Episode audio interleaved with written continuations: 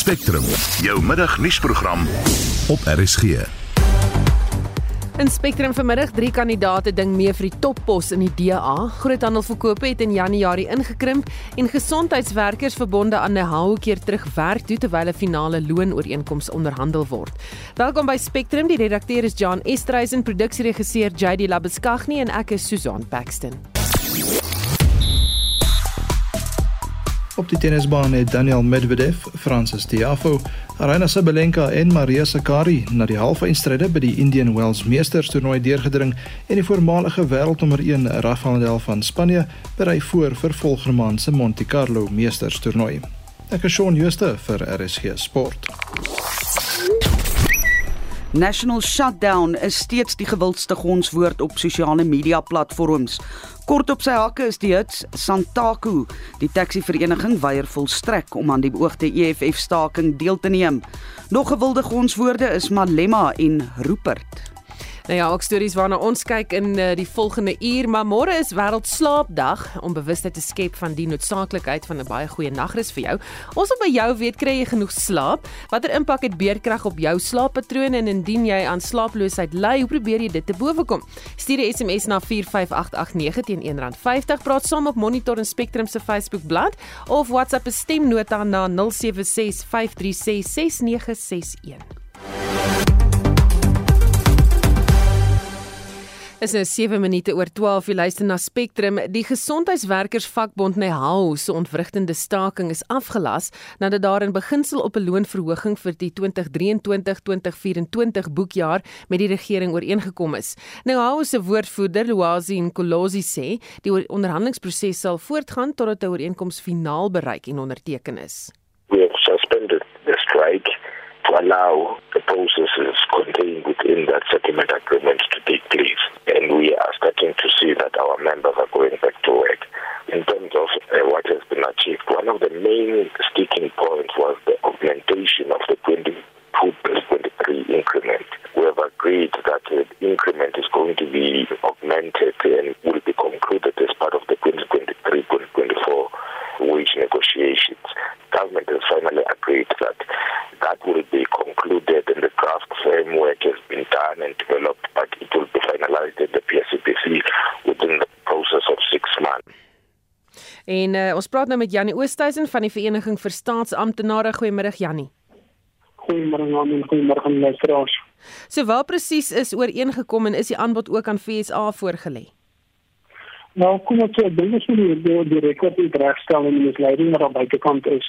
Daar is 'n skikking vir inkomstebereik met die vakbonde wat nie deel was van die huidige salarisonderhandelinge van 2023 en 2024 en wat op die 17 November begin het toe die werkgewer uh uh op die tafel geplaas het. Op die 23 Februarie is die uh, ouens wat toe in die onderhandelingskamer was, wat PSA een van hulle was, het toe ons uh eise toe die werkgewer ingestel het dat die eise wat 'n 10% verhoging onder andere iemand by sy toelaag wat met hoog met 2.5 rand. Die ander vakbonde en en in 'n halwe het aangedui hulle gaan nie deel wees van die onderhandelinge nie omdat hulle dispuut van 2022 2023 nog nie afgehandel is nie. En die skikkingsooreenkoms wat daar oor as er 'n minister is, by op die 2022 2023 uh um onderhandelinge wat daar dan nou die eensidedige implementering van 3% was. So ons het uh, met onderhandelinge met die werkgewer voortgegaan die vakbonde nie deel was van die proses nie. En uh die uh op die ouende die daar in Maart uh 'n verbeterde aanbod van 7% van die werkgewer gekry wat hulle ongelukkig van 4.7 na 7% op 'n vleiskaal. Met ander woorde, uh, ons verwelkom natuurlik dat die ander vakbonde nou terug is in die onderhandelingskamer. Dit kan eenheid bewerkstellig en dit kan ons sterker maak om nog 'n betere uh, ooreenkoms vir ons lede te bewerkstellig. Goed, so julle het 10% geëis, maar is julle dan nou tevrede met hierdie voorlopige um, aanbod? Ja, ons het die werkgewer baie duidelik op terme gestaan dat ons nie tevrede met die 7% verhoging nie. En um, dit is ons nog nie in lyn met met wat ons eis aan hulle is nie. Gegee die ekonomiese omstandighede die lewenskoste en uh, alles wat met opgaan en ons lede het actually vir die afgelope 2 jaar geen pensioendraande verhoging gekry nie. En om in tred hou met die pensioen en met die inflasie wil ons as definitief meer as 'n 7% uh, verhoging hê. En ons wag vir die werkgewer hulle het uh, ooreengekom dat hulle sal na hulle uh, prinsipale toe gaan en kyk of hulle uh, met nog 'n verbeterde ooreenkoms uh, kan kom ons het vanmiddag teen 10 uur is daar weer 'n vergadering belê om die ander vakbonde wat nie deel was van die proses nie dan nou 'n kans te gee om dan nou uh, uh, hulle sê te sê en deel te maak van die proses vorentoe en dan sal weer wanneer van die werkgewers terugkom met hulle verbeterde offer al dan nie. As daar nie verbeterde aanbod is nie, um, sal julle staak. Wel, ek dit is baie vroeg om te sê of ons tot industriële aksie sal oorgaan. Ek dink ons moet die onderhandelinge 'n kans gee. Ek dink die werkgewer het regtig uh, uh, beweeg uh, gegee die feit dat hulle verlede jaar 3.3 en syde gaan implementeer het en waar hulle 4.7 offer het nou 7% staan ek dink daar is tog 'n uh, verbetering en daar is 'n moontlikheid dat ons mekaar iewers sal vind. Baie dankie dit was Janie Oosthuizen van die Vereniging vir Staatsamptenare. Die leier van die EFF, Julius Malema, sê die nasionale staking wat eh, vir volgende week beplan word, gaan voort ondanks teenkanting. Malema het e-, egter gesê dat noodsaaklike personeel nie hoef deel te neem nie. Sakeondernemings sal egter tot stilstand kom, sê hy tydens die betoging wat op president Cyril Ramaphosa en beerdkrag gemik is. Maar wat sê die wet oor stakings en jou reg om deel te neem aan 'n betoging of staking? Professor Denien Smit, 'n arbeidsregkenner van die Departement Handelsreg aan die Universiteit van die Vrystaat, sê dit is jou reg om te kan staak, maar daar is voorwaardes waardes ook? Maar ek dink in die eerste plek moet 'n mens gaan bepaal of hierdie beoogde optrede deur die EFF regtig inderdaad 'n staking is. En ek gaan 'n bietjie agtergrond gee rondom wat 'n staking is want hierdie is nie regtig 'n staking nie. Hierdie lyk vir my baie meer na 'n protesoptrede. So as 'n mens gaan kyk na 'n protesoptrede, dan is dit heeltemal anderster as wat 'n staking is. So as 'n mens gaan kyk na 'n staking, 'n staking beteken dus die weerhouding van arbeid deur werkers of werknemers van dieselfde werkgewer of deur ander werkgewers, maar met die spesifieke doel om 'n grief by te lê of om byvoorbeeld 'n dispuut by te lê wat nie hierdie geval is nie. Ek wil sê dat 'n mens moet regtig daarteen waak om na 'n staking of industriële aksie in isolasie te kyk. Daar is 'n politieke komponent, daar is 'n sosiale komponent en daar is 'n regskomponent. Alhoewel ek weet dat ons vandag gaan fokus op die regselement, moet 'n mens jouself die vraag afvra of 'n mens die reg het om verontreg te voel oor wat in die land aan die gang is. En my antwoord daarop is 'n onomwonde ja. Die paaie val uitmekaar. Daar's nie krag nie. Kospryse en vervoerkoste is deur die dak en ons word armer by die dag. Maar enige vorm van onwettige optrede wat veral met geweld gaan paart gaan gaan. In my opinie is nie die antwoord op die land se probleme nie. Ek dink dit is tyd dat ons die gans vir die goue eiers lê eintlik moet beskerm en tans veg besighede om 'n voortbestaan. So wanneer ons dan kyk wanneer daar protesoptrede is soos wat ons tot dusver in die media gesien het wat die EFF wil beoog vir Maandag. Wanneer dit gepaard gaan met geweld en diefstal, intimidasie, plunder, beskerm ons grootliks nie die mense wat spesifiek verantwoordelik is vir die genereer van geld nie. En dit maak eintlik net nie sin nie. So as die EFF die strate slaan Maandag soos wat hulle beplan het om te doen, Solank hulle hou binne die bepaalde reëls, is dit nie 'n probleem nie, want 'n mens mag erkenning gee aan 'n uitdrukking van jou gevoel hê om te sê ek is ontevrede met wat tans aan die gang gaan. Ongelukkig tot op hier het ons nie vreeslik baie formele inligting nog oor presies waar dit gaan begin, wanneer dit gaan begin nie. Dis onbeskryflik vaag. En onthou 'n politieke party in op sigself kan nie protesoptrede roep sonder dat daar eintlik 'n vakbond is wat aan die reëls voldoening gee nie. Want wat sê die wet oor stakings en mense se reg wat dit betref? In die eerste plek mag 'n mens staak. Dit is 'n fundamentele reg wat die grondwet vir jou gee. Maar jy moet binne die reëls speel. So die reg om te staak is nie sonder beperkings nie. In die ou bedeling het jy die vryheid gehad om te staak, maar nie die reg nie. Maar dit was beskou as 'n baie baie slegte ding en jy kon ontslaan geword het net omdat jy aan 'n staking deelgeneem het ongeag of die staking wettig was of nie. Dit is heeltemal verander. So die grondwet gee nou vir ons 'n reg om te staak en die wet op arbeidsverhouding gee nou 'n statutêre effek aan hierdie reg om te staak. Dit beteken dat as jy staak volgens die wet word jy beskerm, jy kan nie jou werk verloor nie, jy word beskerm teen siviele aksie, teen strafregaksie mits dit nie in geweld oorgaan en jy die een of ander kriminele oortreding begaan, byvoorbeeld soos intimidasie, diefstal en daai tipe van goed nie. Die wet maak dit ook makliker in terme van die voorgestelde prosedures oor wat nagekom moet word. As 'n staker, wat is jou verantwoordelikheid wat betref hierdie stakings in jou optrede? Wel ek dink eers moet 'n mens regtig gaan kyk wat is 'n staking. Baie mense het 'n wanpersepsie van wat 'n staking is. So ek dink 'n mens moet gaan kyk na die elemente van 'n staking. Eerstens moet dit 'n kollektiewe optrede van werkers of gewese werkers wees met 'n gemeenskaplike doel om 'n grief reg te stel of 'n geskil te besleg. Dan kan jy of in 'n ekonomiese staking ingaan, jy kan in 'n sekondêre staking ingaan, jy kan op 'n sloerstaking gaan, 'n stipbeleidstaking of 'n sitstaking. Maar wanneer daar 'n verbode staking is, mag niemand aan hierdie nywerheidsoptrede deelneem nie.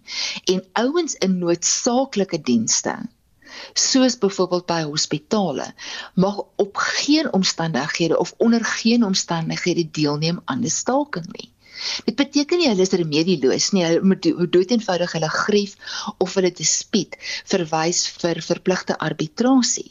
Selfs mense wat in instandhoudingsdienste is, mag inderdaad nie staak nie, maar jy kan ook 'n essensiële dienslewerings minimum ooreenkoms aangaan met die vakbond wat sê Hierdie is die groep mense wat glad nie mag staak nie om seker te maak dat daar nie lewensverlies is nie of dat daar nie 'n onderbreking is van die diens in 'n werksgebied wat die aanleg van masjinerie fisies kan beskadig of vernietig nie.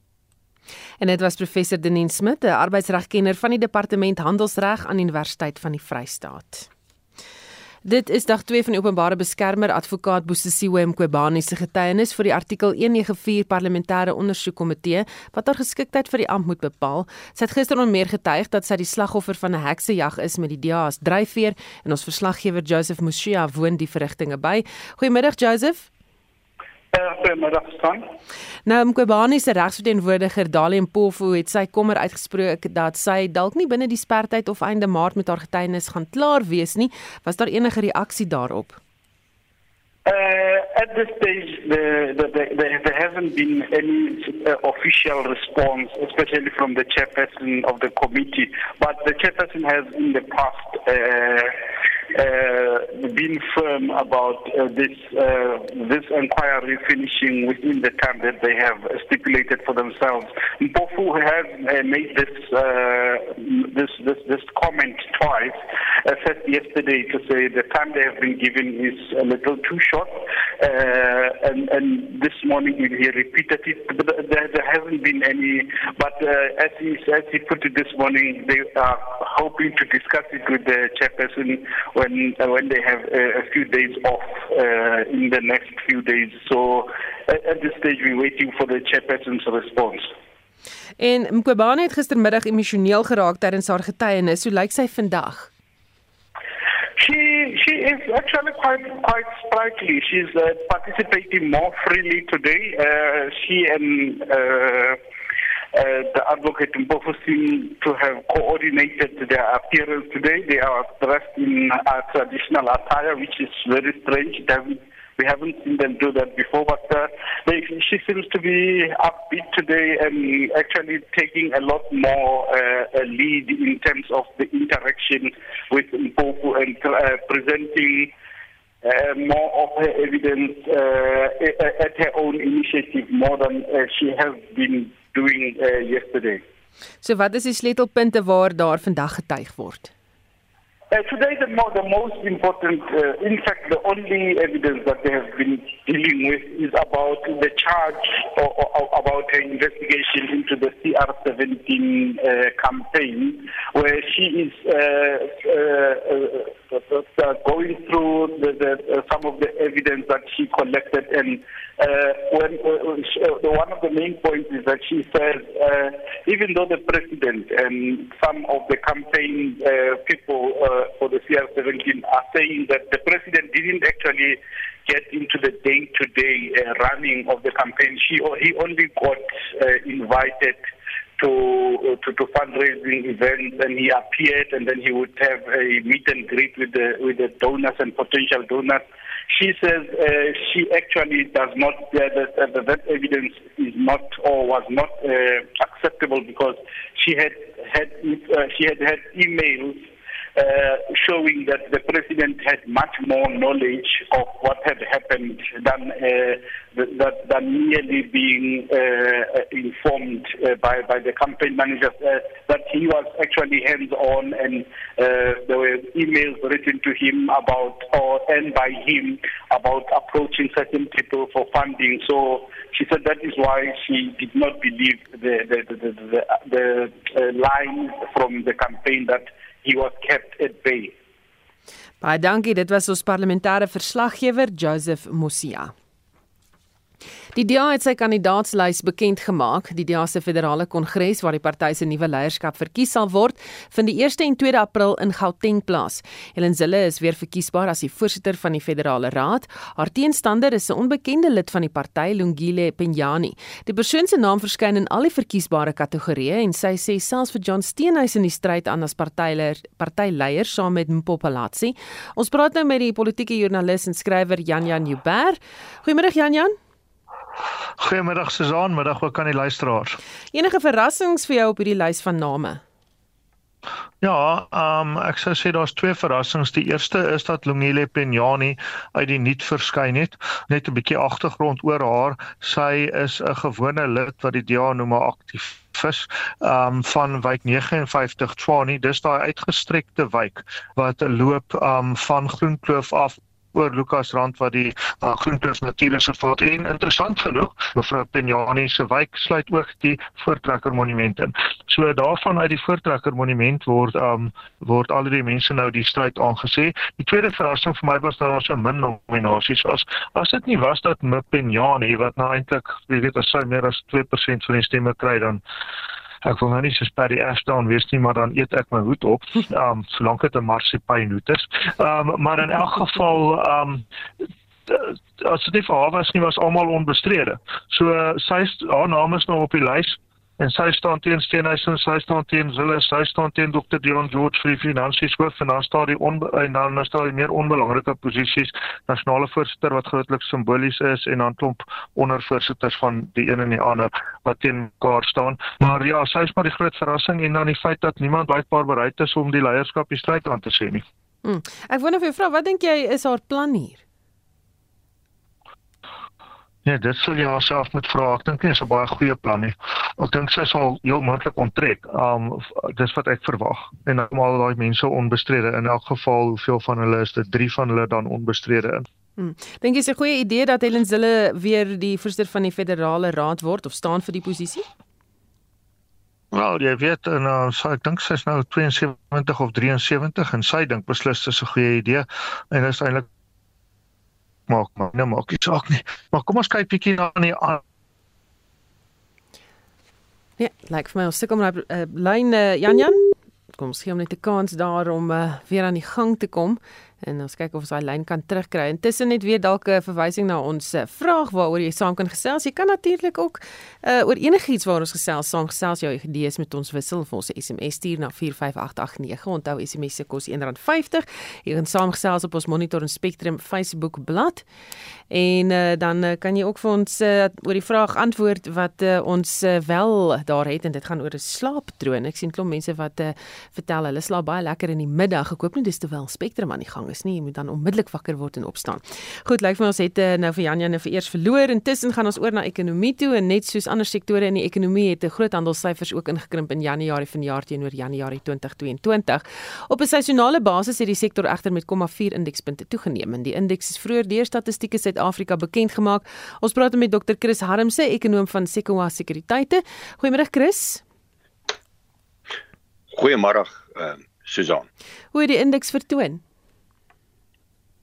Wel, uh daar was natuurlik ehm um, verwag dat jou kleinaar kleinhandelverkope gaan begin gaan begin terugtrek. Ehm um, as gevolg van die uh beerkrag wat ons gehad het.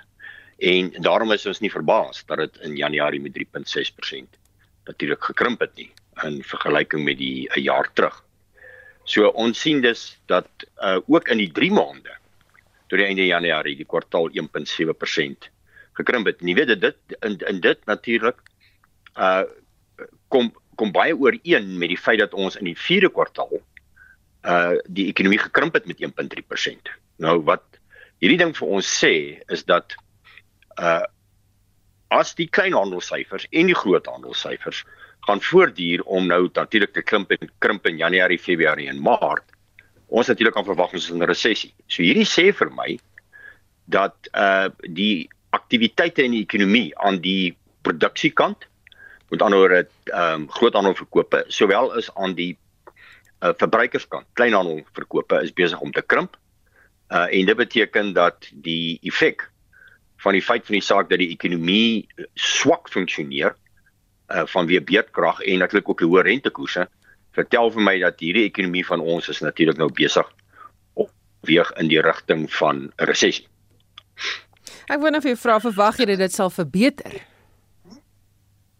Uh, nee, ek, uh, ongelukkig nie. Nie nie nie met 'n jaar op jaar syfer nie. Luister as met onthou die dat die ekonomie in geheel het verlede jaar met 2% gegroei, waarvan ons weer die eerste 3 kwartale was dit 'n baie sterk groei. Met ander woorde, ons het nog verwag hier in, in die einde van September, Oktober dat die ekonomie sou groei hier in die omgewing van 2.5%. Maar omdat ons beerkrag ingeskop het in die derde kwartaal, veral in die vierde kwartaal verlede jaar, waar fase 6 en selfs hoër het, het dit vinnig omgedraai. Nou ons vergelyk natuurlik hierdie syfers jaar op jaar. So met ander woorde in die volgende 6 tot 7 maande gaan ons sien dat jou kleinhandelverkope op 'n jaar tot jaar grondslag gaan natuurlik nou krimp. Jy weet gaan krimp. Jy weet veral as jy kyk na ehm um, landbouprodukte ehm um, en ehm um, en lewende hawe wat uh met 42.4% gekrimp het. Ehm um, as jy ook kyk na voedsel byvoorbeeld. Voedsel uh ehm um, tabak en en nie-alkoholiese drank uh, dranke het gedaal met 7.5%. Uh jy weet hierdie produksie gedaal. Maar nou daar's ook nie 'n vraag nie. En dis sien ons dus dat daar is 'n baie pap ekonomie aan die aan die aanbodkant. Uh en uh, hierdie uh hierdie landbou insette wys net vir ons dat uh veral in die lewende hawe kant ensovoorts, weet selfs die landbou sektor is besig om te krimp. Hmm. Nou 'n uh, brandstof wat ook 'n groot handelkommoditeit is, gaan 'n interessante tendens beleef van staande maand. Wat gaan daaraan? Wel, uh, weet ons het nog ons het nog gedink uh jy weet tot omtrent 'n week gelede dat die kans is baie goed dat ons uh jy weet gaan moet meer betaal in die begin van jy weet van van April, maar die die laaste week veral nadat ons gesien het dat die ehm um, dat die Amerikaanse banke uh, begin moeilikheid optel. Het ons gesien dus dat die ehm uh, die oliepryse het sterk gedaal. Ons het nog 'n week gelede gesien dat die oliepryse ehm um, hierdie omgewing van 283 dollar het. Was, jy weet, dit verhandel natuurlik vir oggend teen 74 dollar. Nou dit is 'n baie interessante tendens dat alhoewel die rand onder druk bly, is hierdie sterk daling in die oliepryse kan natuurlik nou ver, ver, veroorsaak dat dit nou weet nou 'n voordeel gaan inhou. Jy weet vir die vir die verbruikers as ons weet soos ons vorentoe gaan. Ehm um, weet so ehm um, 'n mens kan verwag dus dat ons waarskynlik gaan minder moet betaal aan die begin van aan die begin van 'n Maart, April. Dit gaan nog 'n rukkie vat vir hierdie om deur te werk. So want as ek nou eers kyk na hoe dit gelyk het tot die 15de van die maand, is ons op petrol net 19 sent. Ehm um, uh, uh onderverhaal en op diesel is ons al reeds 29 sent oorverhaal. So die feit dat ons die wisselkoers so bydra tot so 38 sent dat ons moet meer betaal met ander woorde 'n onderverhaling van 38 sent is die daling in die oliepryse alreeds en dis maar net vir 'n dag of 2 veroorsaak dat ons omtrent al so 20 sent vir petrol en so 70% vir diesel oorverhaal is. So hierdie is 'n goeie nuus. Uh solank as vir die oliepryse nou op hierdie laer vlakke gaan bly en ons het ook vanoggend juis gehoor dat Rusland se olieverkope het drasties gedaal uh, in die laaste jaar as gevolg van die sanksies teen hulle. So dit lyk vir my asof uh, die die oliepryse laer neig omdat almal verwag dat die Amerikaanse ekonomie in 'n resessie gaan beweeg en dit kan tot ons voordeel wees. So ons sal nou, so by volgende week weer moet kyk, maar ek gaan glad nie verbaas wees as ons waarskynlik hier by 50 sent vir petrol minder gaan betaal in die begin van April en vir diesel waarskynlik meer as 'n rand. Hm, baie goeie nuus. Baie dankie. Dit was Dr. Chris Harmse, ekonom van Sequoia Sekuriteite en ek hoop sy voorspelling word waar. Jy luister na Spectrum. Op RSG. Later in die program die konstitusionele hof beslis dat boere waterregte mag oordra en verkoop en Suid-Afrika hoop om sy handelsbande met Tansanië te versterk. Bly ingeskakel. Onder die hitsmerk Rupert verskyn beeldmateriaal van 'n onderhoud wat die radiostasie Power FM in 2018 met Johan Rupert gevoer het. Rupert sê daarin dat hy bande met 'n taxi-vereniging het. Of hy steeds het, weet 'n mens nou nie, maar dit laat mens nogals dink. Hmm. Ons gesels oor jou slaappatrone en of die beerkrag enige invloed daarop het. Baie mense wat sê maar uh, dis donkerder dan uh, dan slaap ek lekkerder, wat dalk 'n goeie punt is. Uh, Charles Klasen is die een wat sê kyk, slaap is lekker, maar 'n goeie middag nap is baas veral as dit reën. Ek hoop dit jy nou daar in die Charles, jy moet luister na die radio. Uh, Desiree Pazen sê 5 minute nap voel soos 8 ure se slaap vir my en dan nog 'n luisteraar wat sê dat uh, ek slaap my lewertjie pap. Kan sonder twyfel vir ure slaap die die dag en weer vanaand slaap ek soos 'n vetkap. 'n Kat ek hou van slaap sê sy. En uh, so klop mense wat sê nee wat ek het nie enige probleem nie. Uh William Joshua Alexander wat sê as ek nie kan slaap nie, luister ek na RSG totdat Lasfakie my kom haal en dan Pieter Matthysen wat sê en dan skel my man my sit af daai draadloos. Nee, hou hom aan. Ons sal vir jou gesprekke voer terwyl jy slaap in jou drome en as jy sê moenie om afsit nie is belangrik luister RSG. Shaun Jooste die jongste sportnuus. Ek begin met cricketnuus en herinner graag dat die reeks van 3 eendagwedstryde tussen die Proteas en Windies 1 uur op Buffalo Park in Oos-London begin. Johan Tormalen sal hier op RSG verslag doen oor gebeure en daar kan op Radio 2000 ekstra na regstreekse kommentaar geluister word. Die wedstryd word ook op SABC3 uitgesaai. Op die tennisbaan het die 50 keerde rus Daniel Medvedev na die halfeindstryde by die Indian Wells Meesters toernooi deurgedring toe hy die nommer 23 van Spanje Alejandro Davidovich vanoggend met 6-3 en 7-5 geklop het. Die 10de keerde Brit Cameron Norrie is ook met 6-4 en 6-4 deur die nommer 14 van Amerika Francis Tiafoe uitgeskakel. Die eerste gekeerde Spanjaard Carlos Alcaraz kom môreoggend teen die agste gekeerde Felix Auger-Aliassime van Kanada en die vierde gekeerde Amerikaner Taylor Fritz teen die Italiaaner en nommer 11 Jannik Sinner vir 'n plek in die halfeindstryde te staan. In die vroue afdeling het die nommer 2 Aryna Sabalenka van Belarus 6-4 en 6 stroop met die nommer 6 van Amerika Coco Gauff en die sewende gekeerde Maria Sakkari van Griekeland 4-6, 7-5 en 6-1 met die Tsjechiese nommer 15 Petra Kvitova afgereken. In vanaand se kwart eindstryde pak die nommer 1 Iga Swiatek van Pole en Roemenië se Sorana Sirstea en die 10de gekeerde Elena Rybakina en die Tsjech Karolina Machova mekaar. En laastens die voormalige wêreldnommer 1 Rafael Nadal van Spanje het sy deelname aan volgende maand se Monte Carlo Meesters toernooi bevestig. Die 36-jarige Nadal is sedert die Australiese Ope in Januarie op die krikkelys, maar berei nou voor vir die Meesters toernooi wat hy al 8 keer gewen het.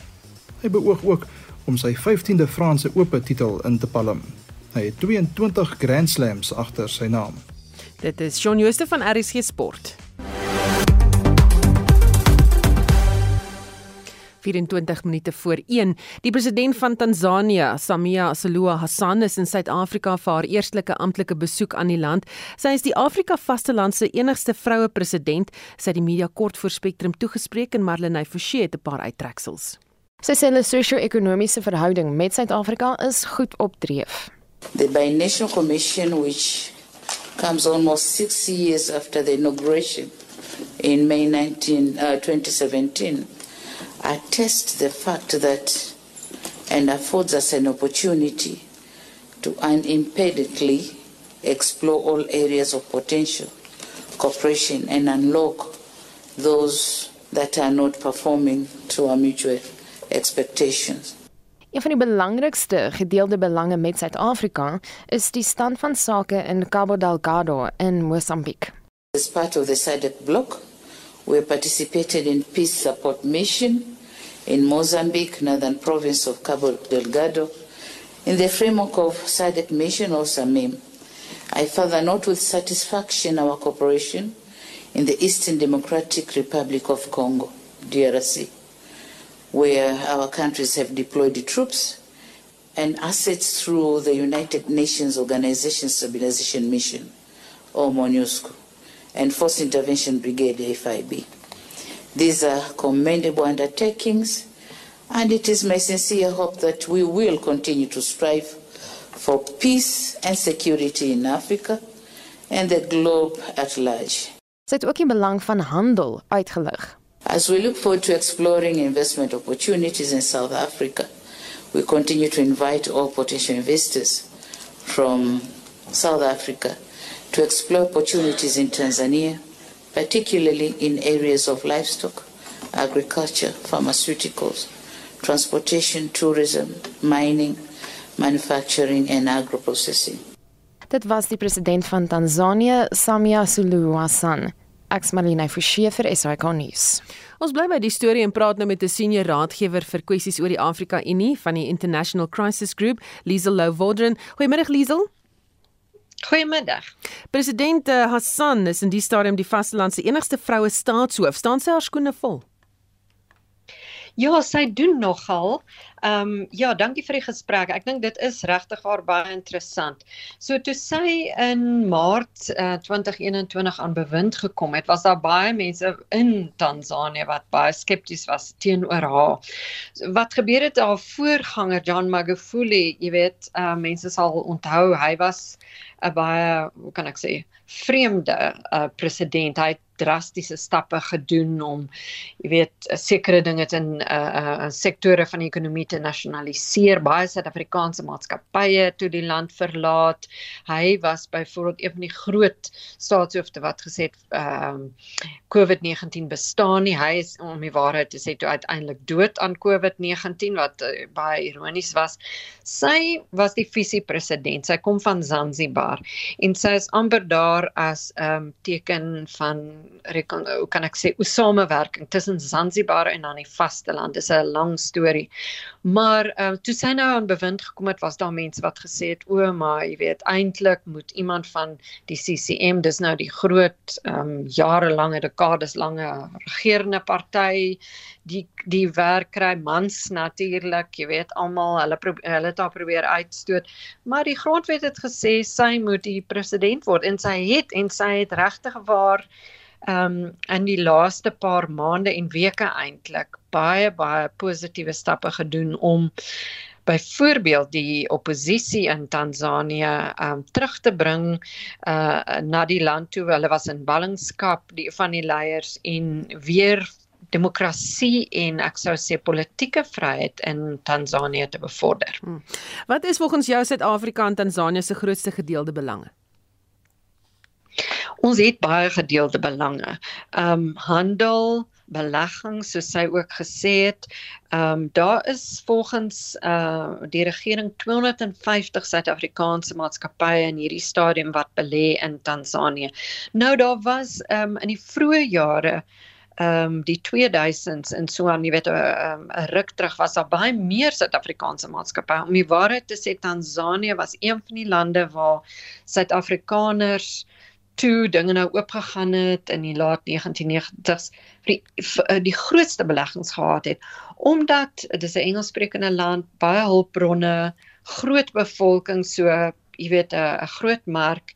Ehm um, Kenia was 'n bietjie te veel kompetisie vir Suid-Afrikaners kan ek amper sê, jy weet daar byvoorbeeld Shoprite en daai maatskappye kon nie eintlik meeding met die Keniaanse maatskappye nie. So Tansanië was om en ek het jy weet soos julle weet jare lank deur die kontinent gereis en probeer stories doen oor hierdie Suid-Afrikaanse beleggings.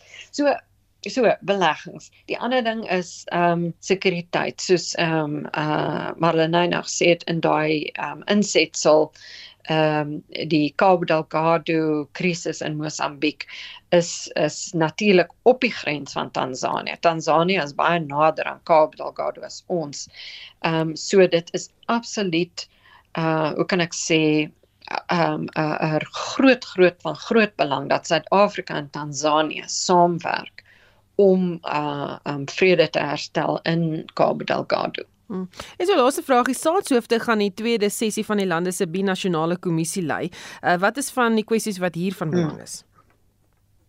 Ja, die so 'n klomp ministers ontmoet en soos ek sê die laaste een was 2017, so dit is nou ehm um, hoogtyd eintlik dat daar so 'n vergadering is en dan die ministers van handel, verdediging, landbou en so aan uh um ontmoet en probeer dan nou, jy weet, uh handelsbande bou Ehm um, so ek meen dit is daar daar daar's 'n klomp kwessies wat baie belangrik is en ek dink Suid-Afrikaanse sakemense sal geïnteresseerd wees om te sien tot watter mate hierdie vergadering nou vir hulle deure oopmaak.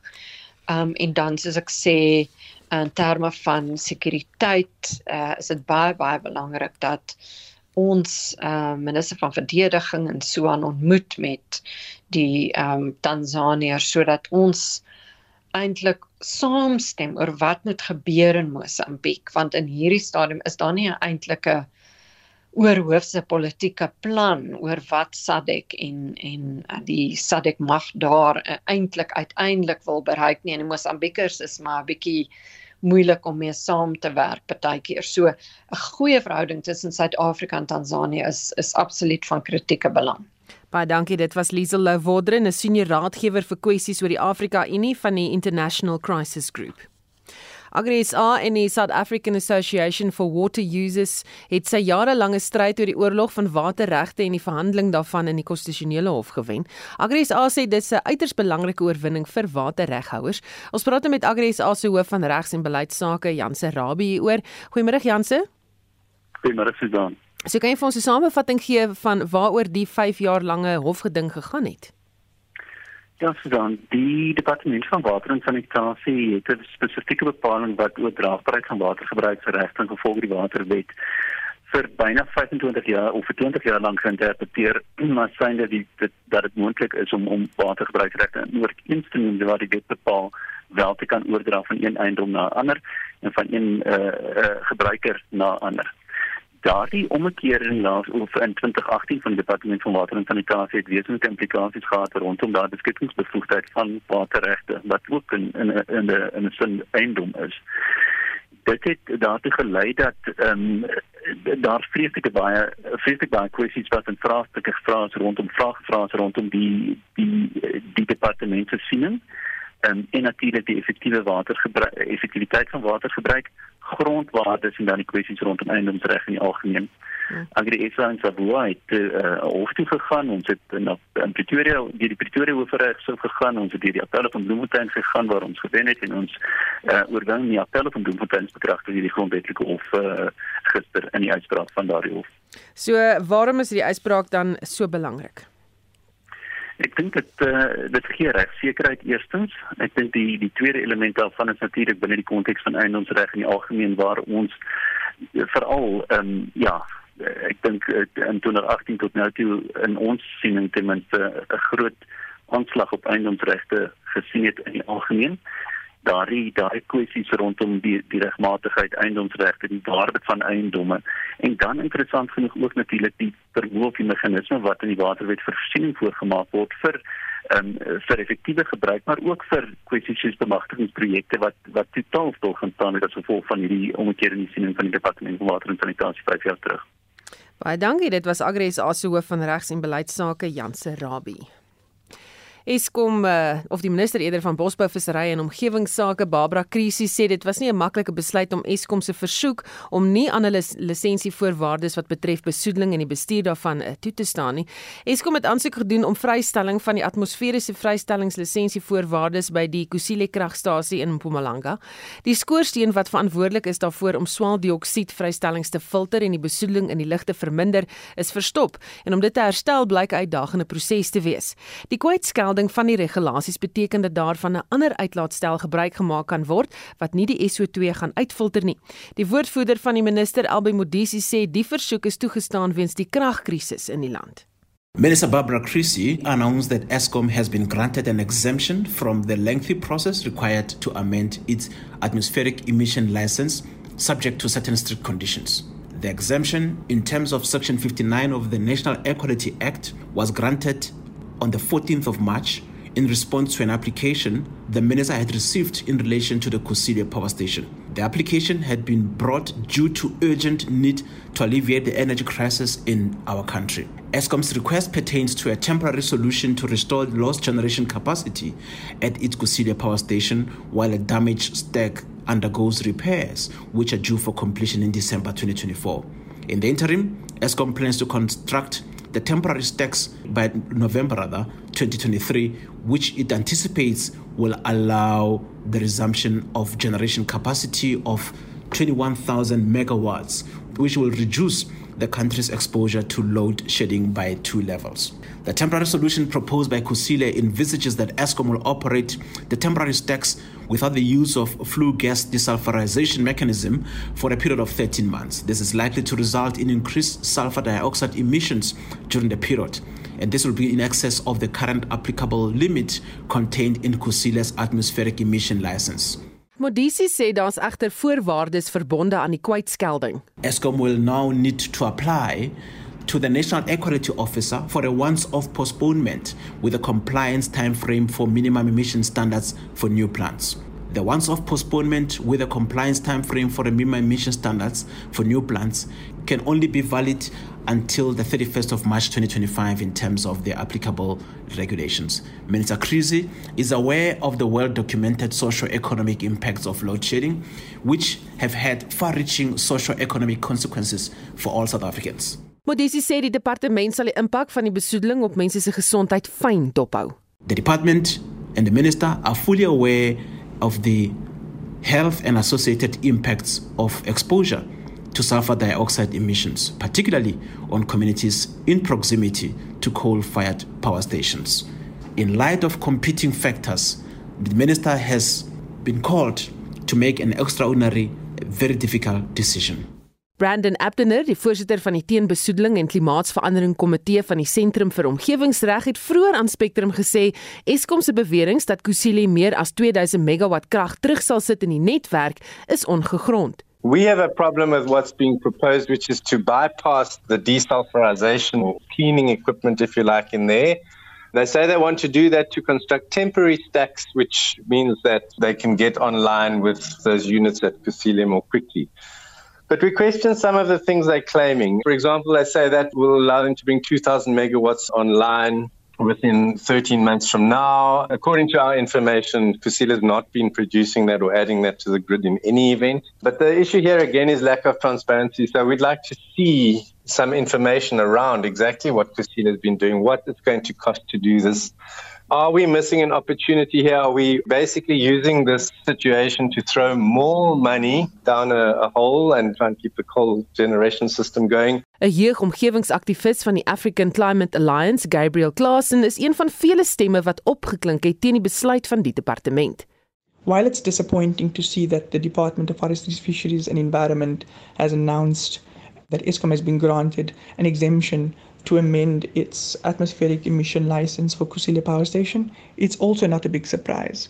Time and time again, have the frontline communities that we work in collaboration with and in solidarity with, and we as young people who will have to inherit this future, seen that our basic human rights to an environment which is not harmful to our health or well being, for justice to be put in the forefront, completely ignored by our leaders. Time and time again, have South African government shown that they are not prioritizing the responsibilities that they have, not only to us, but to future generations to come. The state of disaster should not be an opportunity to rush through and push forward opportunities to bring power online at the expense of people and planet. It's an opportunity to put justice at the forefront of decision making and a just transition. En dit was Gabriel Klasen, 'n jeugomgewingsaktivis van die African Climate Alliance. Vandag se sake nuus word aangebied deur Chris Weemeyer, 'n portefeuljebestuurder by PSG Wealth Pretoria. O, goeiemôre Chris. Goeiemôre Susan, wêreldwyd is die nuus maar hierdie banke wat uh, baie swaar trek wat van Amerika oorbeweeg het na Europa toe.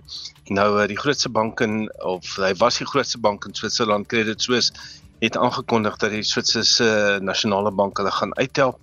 Credit Suisse se prys vandag 26% hoër en dit het 'n bietjie die stof laat lê op die markte. Plaaslik by ons was die mark positief, hy's nou negatief 0,36 van 'n persent laer op 72636. Die Navrats indeks 0,1% hoër, finansiëel 0,3% sterker en die hulpbronne verloor so 1,7% met kommoditeitspryse wat redelik onder druk is die laaste tyd. Nou eh, van die individuele maatskappye op die beurs vandag Transaction Capital bly nog steeds 8.4% laer op R13.37 en dan het Investec vanoggend net 'n uh, handelsopdatering uitgebring vir hulle ehm um, uh, hulle sluit nou hulle 6 maande tot einde Maart en uh, sy prys tans 2,6% hoër op R101.99 en dis net net, net nadat hulle gewaarsku dat hulle wesensverdienste tussen 22 en 29% hoër sal wees. So nie nie slegte nuus van Investec se kant af nie. By die miners sien ons uh, Kumba Iron 5,5% laer, Anglo Ashanti 4% laer, Thungela 3,7% laer en dan die platinum miners almal hier by die 3% swakker, BHP Group 2.5% swakker, Anglo American 2% laer, Sasol 2% hoër. Vandag internasionaal sien ons net die markte ook uh, vandag darmal weer begin positief beweeg. In Londen is die FTSE nou 1,2% sterker, Frankfurt die DAX 0,7% laer of hoër en dan in Parys die kyk nou 'n persent sterker die rand bly maar swak teenoor die groot geldeenhede. 'n uh, pond 'n uh, uh, uh, dollar kos jy nou R18.41, 'n euro R19.51 en 'n pond R22.16. Goudprys op 1920 dollar per fyn ons, platinum op 974 dollar en dan die olieprys wat baie sterk teruggesak het, herstel so 'n bietjie vandag, maar nog steeds baie aantreklik. Die Brentprys nou 74 dollar 51 per vat. Dis al van my kant af vandag, Susan, baie dankie. En dit was Chris Weemeyer, portefeuljebestuurder by PSG Wealth Pretoria Oos. Hoe naby kon jy aan die grens kom? Ons permitte het baie duidelik gestel dat ons mag gaan tot by die vlugtelingkampe en dan mag ons nie verder in die militêre sone ingaan nie, maar ek was in saam met 'n Australiese joernalis en toe sê hulle kom ons kyk net hoe ver ons kan kom voordat ons gekeer word.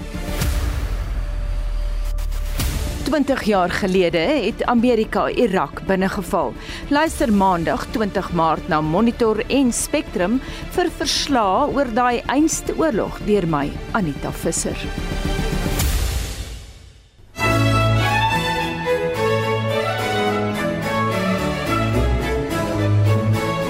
Dis 'n deel uit Johan Scheibe se simfonie nommer 4, een van die werke in Musiekbonbons van Donderdag 16 Maart Daar is ook 'n deel uit Mendelssohn se simfonie nommer 2 wat deur 'n koor gesing word en die King Singers maak ook hulle buiging in die program Musiekbonbons op Donderdag 16 Maart om 20:09 die aand net hier op RSG.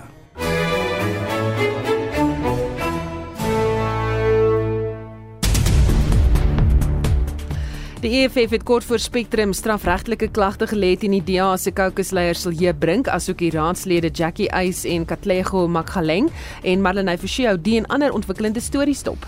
Ja, Susanna, dat die klag van verkiesingsbedrog gelê by die Pretoria Sentraal Polisiestasie baie mense wat daar was van die EFF en die party se Obakeng Ramabodo het daar met die SAK gepraat. This city belongs to people who are ready to work, who are ready to provide service delivery, who are ready to help people of Sushanguve, of Mamelodi, of Atteridgeville, of Brongospruit, who haven't seen service delivery for the past seven years under the Democratic Alliance. Na die klagte hou verband met die DEA se besluit dat raadslede nommers op hulle stembriewe moet sit in plaas van kruisies om te bepaal wie nie vir die party se burgemeesterskandidaat in Tshwane gestem het nie. Die minister in die presidentskap, Kumbutso Ntshavheni, het intussen diegene gewaarsku wat gaan deelneem aan die EFF se beplande landwyse staking Maandag om te verseker dat daar geen vorm van geweld of intimidasie is nie. Anyone with ambitions to govern this country must wait to protest the 2024 general elections. Attempts to cause disruption and disturbances in the country will be made with the full might of the law and we must also clarify that no amount of political adventurism should uh, should sway uh, South Africa. Nou sê die waarskuwing gerig tydens 'n media-konferensie oor die uitkomste van die kabinetvergadering. Sy het verder gesê die kabinet is bly 'n ooreenkoms is bereik oor die openbare sektor loononderhandelinge, maar sê dissiplinêre stappe sal geneem word teen diegene wat dienslewering ontwrig het. Ons verskuif van die aandag na die parlement waar die DA se resolusie vir die stig van 'n ad-hoc komitee oor die Palapala sage oorweeg word. Die komitee sal glo veral ondersoek instel na die betrokkeheid en reaksie van verskeie regeringsdepartemente daaroor om die diefstal na bewering toe te smeer en dan uh, die uitvoerende direkteur van Omgewingsinstituut van die Suid-Afrikaanse Geloofsgemeenskap Francesca Gasparis herinner jou om jou sê te sê oor die voortbestaan van die Kuiberg kragstasie. Vandag is die sluitingsdatum vir voorleggings in die verband nou sit aan ander mediahuise gesê dat hulle baie bekommerd is oor deursigtigheid, oor verskeie veiligheidsmaatreëls. So indien jy enige bekommernisse het, sê hulle dat dit tyd is vir jou om ietsie te sê voordat dit te laat is. En dan die Hate Crimes Working Group verwelkom die nasionale vergadering se besluit om die wet op die voorkoming van haatmisdaad en haatspraak vroeër die week goed te keer. Die groep sê die wetgewing is nou belangriker as ooit veral met 'n toename in haatmisdaad teen migrante, vlugtelinge, asielsoekers en lede van die LGBTIQ+ gemeenskap. En dit was Marlenae Forsie. Dan is jy vir ons groet nog 'n SMS of twee wat ingekom het oor die slaap plan of jou slaapplan. Uh, iemand wat sê Connie, ek is vodde as gevolg van die beerdkrag. Sodra die krag afgeskakel word gedurende die nag, is ek dadelik wakker van die geluid van die hoofskakelaar wat afgaan. Slaap is dan taboe. Soms staan ek op en begin dan so lank sommer die huis skoon maak, maar dit begin nou sy tol eis. Ek bly moeg. Ek is 73 jaar oud, sê sy. Dan sê Marita van die Kaap, ek slaap soos 'n baba en word elke 3 ure wakker vir 'n voeding. Hoe ouer ek word, hoe minder slaap ek. Eh, teen 100 jaar gaan ek heelnag wakker bly. Dis nou Marita van die Kaap wat so sê. Miskien kan jy ook vir ons laat weet wat is dit wat jy so elke 3 ure dan aan pesel as jy daar wakker raak. Dalk help dit om weer aan die slaap te raak. Ons groet namens ons uitvoerende regisseur Nicoline de Wet, die redakteur John Estreys en ons produksieregisseur is JD Labuskaghni. Ek is Susan Paxton. Geniet jou middag in die geselskap van RSG.